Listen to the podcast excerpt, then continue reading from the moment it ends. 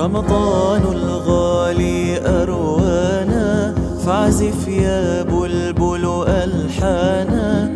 لحنا بالبهجة يغمرنا ويؤجج فينا النيران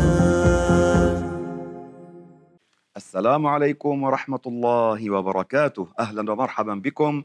ما زلنا نتابع. جزاكم الله عنا خيرا. هذا الكتاب المبارك شرحا وذكرا لأحاديث رسول الله صلى الله عليه وسلم حلية البشر. باب ما يقال دبر صلاة الصبح والمغرب. بسم الله والحمد لله وصلى الله وسلم على رسول الله. روى أبو داود في سننه وغيره عن مسلم بن الحارث التميمي الصحابي رضي الله عنه عن رسول الله صلى الله عليه وسلم أنه أسر إليه فقال إذا انصرفت من صلاة المغرب يعني بعد أن تنهي الصلاة فقل اللهم أجرني من النار. سبع مرات. فإنك إذا قلت ذلك ثم مت من ليلتك كتب لك جوار منها. معناه الله يجيرك منها. أي الله يحفظك من النار. وإذا صليت الصبح فقل كذلك فإنك إذا مت من يومك كتب لك جوار منها. معناه الله يجيرك منها. فواظبوا على هذه الحسنة الطيبة. اللهم أجرني من النار. هذه نقولها عقب الصلاة سبع مرات. صلاة المغرب وصلاة الصبح. اللهم أجرني من النار. وانتبهوا أحبابي إذا زدنا وأجر أهلنا مثلا أو أحبابنا مثلا هذا لا بأس به هذا دعاء جائز. لكن انتبهوا مما يزيده بعض الناس في بلاد الشام وبلاد الحبشة ونحوها. زيادة تخالف ما عليه النبي عليه الصلاة والسلام وما أجمعت عليه الأمة. دعاؤنا ينبغي أن يكون موافقا للشرع لا مخالفا للدين. فاذا يقول البعض وأجر جميع المسلمين من النار. انتبهوا هذه الزيادة معناها يخالف الإجماع. كيف أجمعت الأمة أي أهل السنة والجماعة؟ أجمعوا أن المسلمين العصاة قسمان.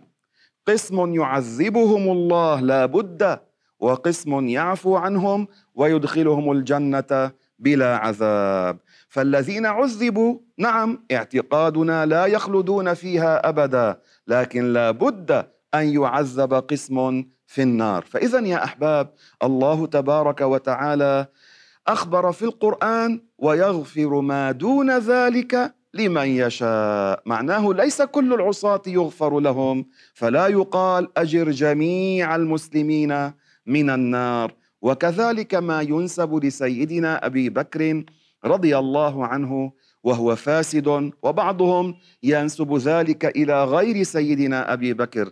يقولون لو استطعت أن أفدي كل العصاة من النار لفعلت أي أنا أدخل بدلا منهم النار وأعذب بدلا منهم. هذا كلام يا أحباب يعارض الشرع. لماذا؟ لأن الرسول أخبر أبا بكر بأنه مبشر بالجنة. فكيف يقول أدخل النار؟ هذا أمر. الأمر الثاني الذي ذكرنا أنه لا بد أن يعذب قسم من العصاة. وروى أحمد في مسنده بإسناد حسن والنسائي في الكبرى وابن ماجه في السنن وغيرهم عن أم سلمة رضي الله عنها. هذه أم سلمة الصحابية الطيبة المباركة قالت كان رسول الله صلى الله عليه وسلم إذا صلى الصبح قال اللهم إني أسألك علما نافعا وعملا متقبلا ورزقا طيبا. وفي رواية صالحا بدل متقبلا يعني وعملا صالحا. هذا الدعاء من النبي عليه الصلاة والسلام أيضا تعليم لنا. وانتبهوا ماذا قال؟ أسألك علما نافعة. ليس كل العلوم نافعة. إنما هناك علوم محرمة. نعم. حرام تعلمها كالسحر والشعوذة وهذا الذي يقال له علم الحرف. هذا علم محرم. بعض الناس يعمل به. ما هو هذا؟ يأخذون حرفا من اسمك ومن اسم أمك أو نحو ذلك ويبنون عليه تكهنات.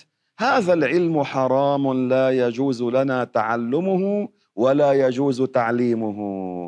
وأما نزول هاروت وماروت الملكان الكريمان على الله هاروت وماروت نزلا إلى الأرض بأمر من الله لتعليم الناس السحر من أي باب؟ ليميز الناس بين السحر والمعجزة بين النبي وبين الساحر.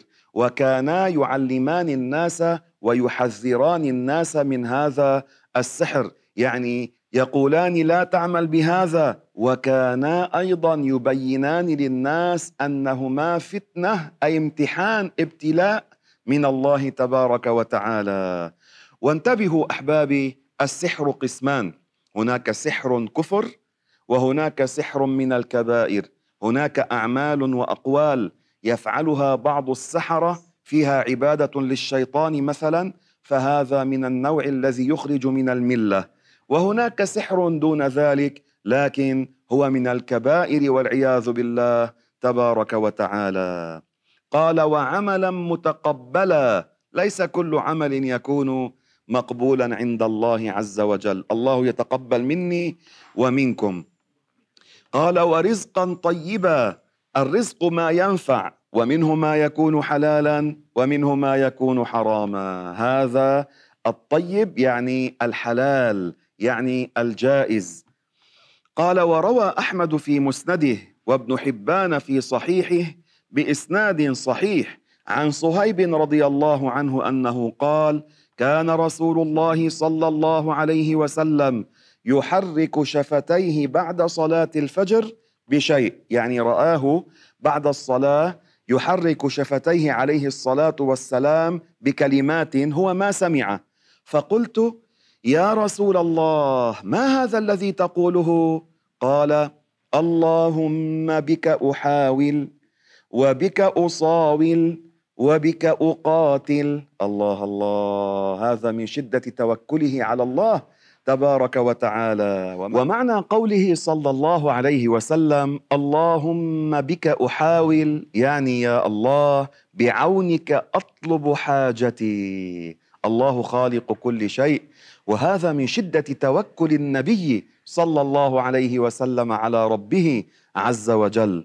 قال وبك أصاول. معناه أدفع شر عدوي بك يا ربي يعني أطلب منك يا الله أن تدفع عني الضرر الذي يأتي من أعدائي. قال وبك أقاتل ومعناه إن قاتل فهو يقاتل لله وبقدرة أعطاه الله إياها. وهذه عقيدة أهل السنة بأن الله تعالى خالق الأعمال كما أنه خالق الأجسام. لا كما قالت القدرية هؤلاء المعتزلة اعتزلوا مجلس الإمام الحسن البصري رضي الله عنه وأرضاه وكان رأسهم في ذاك الوقت يقال له واصل. هذا واصل اعتزل مجلس أهل السنة وخرج عنهم في العقيدة. والعياذ بالله واعتقد في الله بأنه لا يخلق الأعمال وادعى والعياذ بالله بأن هناك خالقين غير الله يخلقون. نسأل الله تبارك وتعالى السلامة. وروى الترمذي في سننه وغيره عن أبي ذر رضي الله عنه أن رسول الله صلى الله عليه وسلم قال من قال في دبر الفجر يعني بعد صلاة الفجر أي الصبح وهو ثان رجليه يعني من غير أن يمد رجليه. وانتبهوا لهذه الفائدة يعني وأنت في مجلسك بعد السلام تبدأ بهذه الكلمات. قبل أن يتكلم يعني لا تتكلم مع أحد تسلم تبدأ. لا إله إلا الله وحده لا شريك له له الملك وله الحمد.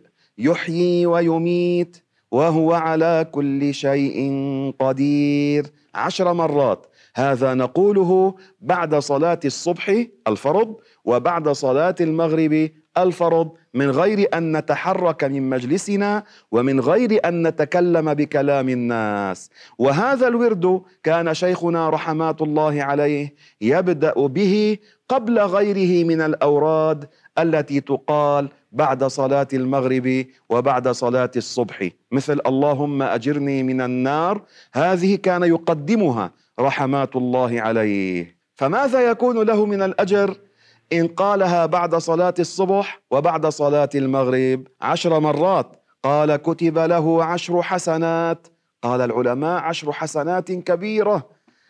ومحي عنه عشر سيئات يعني يمحى عنه عشر سيئات كبيرة. معناه من الكبائر إن كانت عليه. ورفع له عشر درجات وكان يومه ذلك في حرز من كل مكروه. معناه ربنا تبارك وتعالى يحفظه. هذا معنى في حرز يعني في حفظ.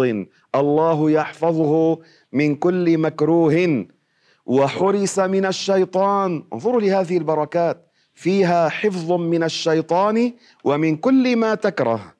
قال ولم ينبغي لذنب أن يدركه في ذلك اليوم إلا الشرك بالله تعالى. معناه لا يكتب عليه ذنب في ذلك اليوم إلا أن يكون الشرك والعياذ بالله تعالى والذي هو أشد الذنوب.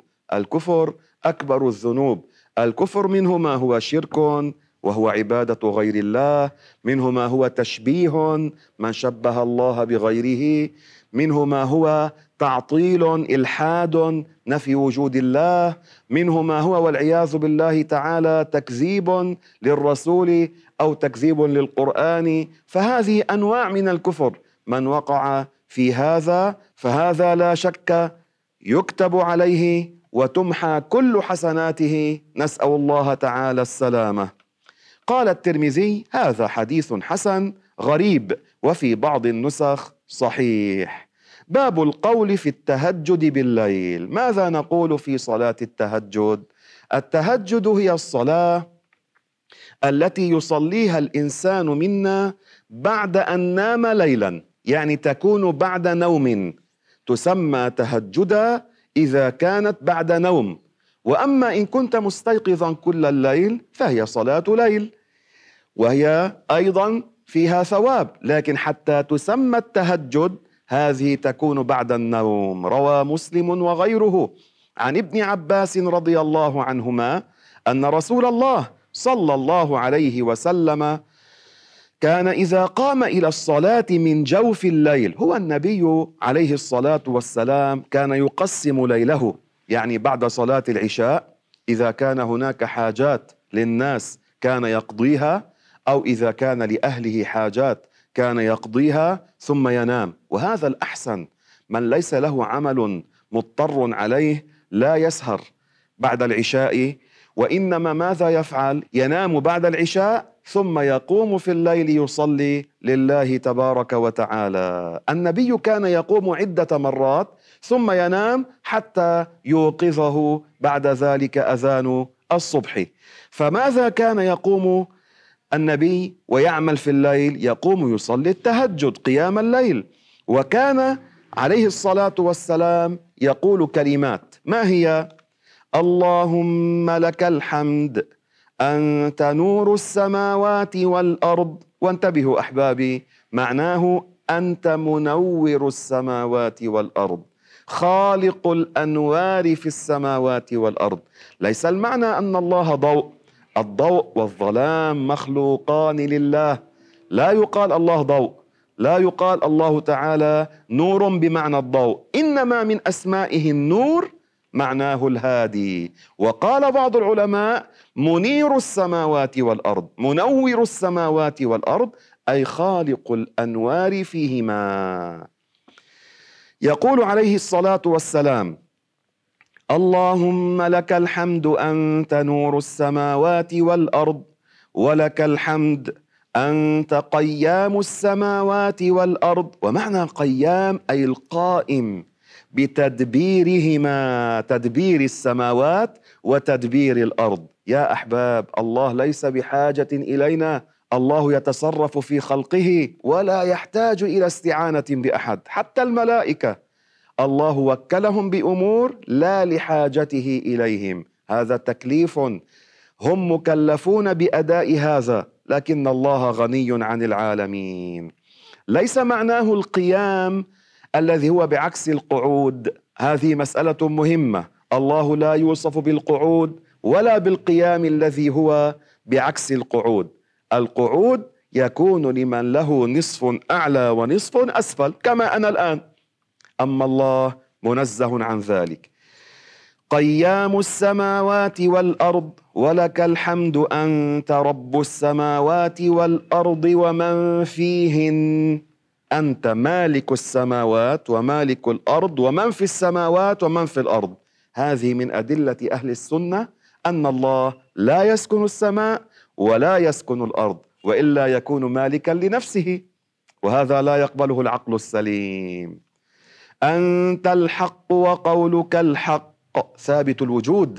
ربنا تبارك وتعالى. ولا يقال دخل في الوجود عن الله عز وجل. أنا دخلت في الوجود. العالم كله يقال فيه دخل في الوجود. سبقه عدم. أما الله لا يقال عنه دخل في الوجود. موجود أي ثابت الوجود. العقل يوصلك أن الله تعالى موجود. هذا العالم لا بد له من خالق.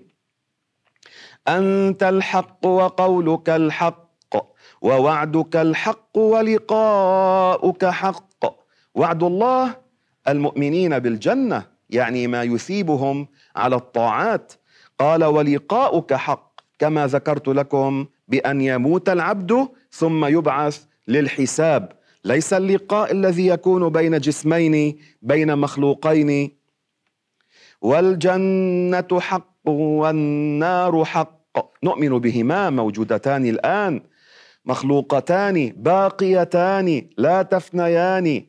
والساعة حق. كما قال الله وأن الساعة لا ريب فيها لا شك فيها. وأن الله يبعث من في القبور. فإذا نؤمن بالساعة. قال عليه الصلاة والسلام اللهم لك أسلمت وبك آمنت وعليك توكلت وإليك أنبت. أنبت أي رجعت؟ هذا معنى أنبت أي رجعت إليك يا الله. وبك خاصمت إذا خاصمت فبحول الله وقوته. وكان النبي يخاصم في الله معناه لا لأجل غرض دنيوي وإنما لأجل الآخرة. وإليك حاكمت يعني منك أريد طلب حقي ممن يؤذيني. الله الله. اسمعوا هذه العبارة. إليك يا ربي حاكمت. معناه من ظلمني أنت تعطيني حقي منه يا الله. فهذا يا أحباب يذكرنا بماذا؟ أن الواحد منا في هذه الدنيا من كان عليه حقوق فليؤدها. من كان لأخيه عليه مظلمة. قال عليه الصلاة والسلام فليتحلله.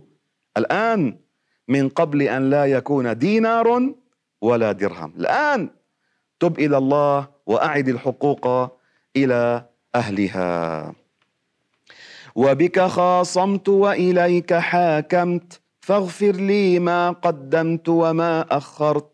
وما اسررت وما اعلنت وما انت اعلم به مني انت الهي لا اله الا انت وروى مسلم والنسائي وغيرهما عن عائشه رضي الله عنها انها قالت فقدت النبي صلى الله عليه وسلم ذات ليله. يعني ما وجدته أمامها وكانت ليلتها. قال فالتمسته بيدي فوقعت يدي على قدميه وهما منصوبتان وهو ساجد. معناه كان في السجود. يعني وقعت يدها على باطن قدم رسول الله. هنيئا لها. يا سلام. السيدة عائشة هذه الكريمة بنت الكريم الصديقة بنت الصديق أمدنا الله بها وبأمدادها وأمداد أبيها وزوجها صلى الله عليه وسلم. الشافعية قالوا مسته بحائل. وأما عند الحنفية ونحوهم على الظاهر فعندهم إذا الزوجة مست جسد زوجها لا ينتقض وضوءها ولا وضوءه. المالكية تفصل إن كان بشهوة هذا اللمس أو بغير شهوة. قالت رضي الله عنها وهو ساجد وهو يقول سمعته يقول اللهم أعوذ بمعافاتك من عقوبتك. عافني ولا تعاقبني.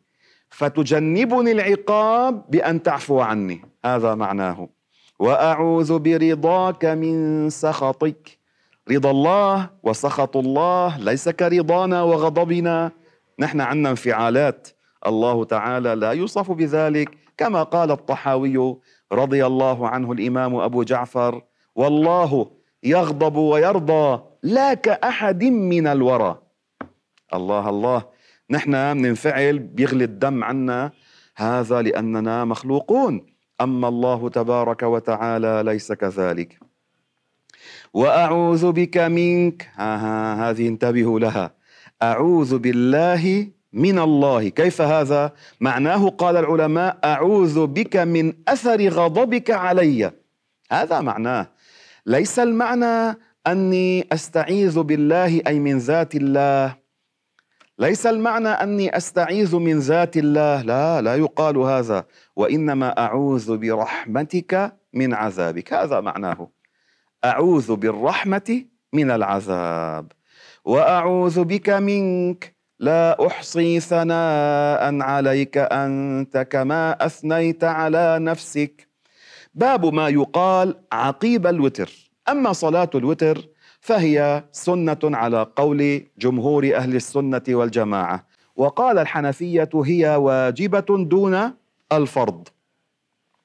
الوتر عند بعض العلماء أقلها ركعة وبعضهم قال تصلى ثلاث ركعات. روى النسائي وابن حبان والبيهقي عن أبي بن كعب. هذا أبي رضي الله عنه وأرضاه كان أقرأ الصحابة.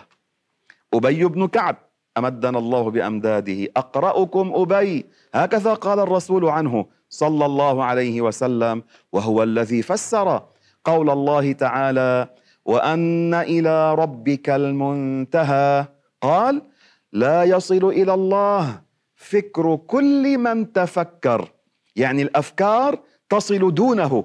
يعني مهما تصورت ببالك فالله لا يشبه ذلك. الله ليس له صورة. الله المصور خالق الصور.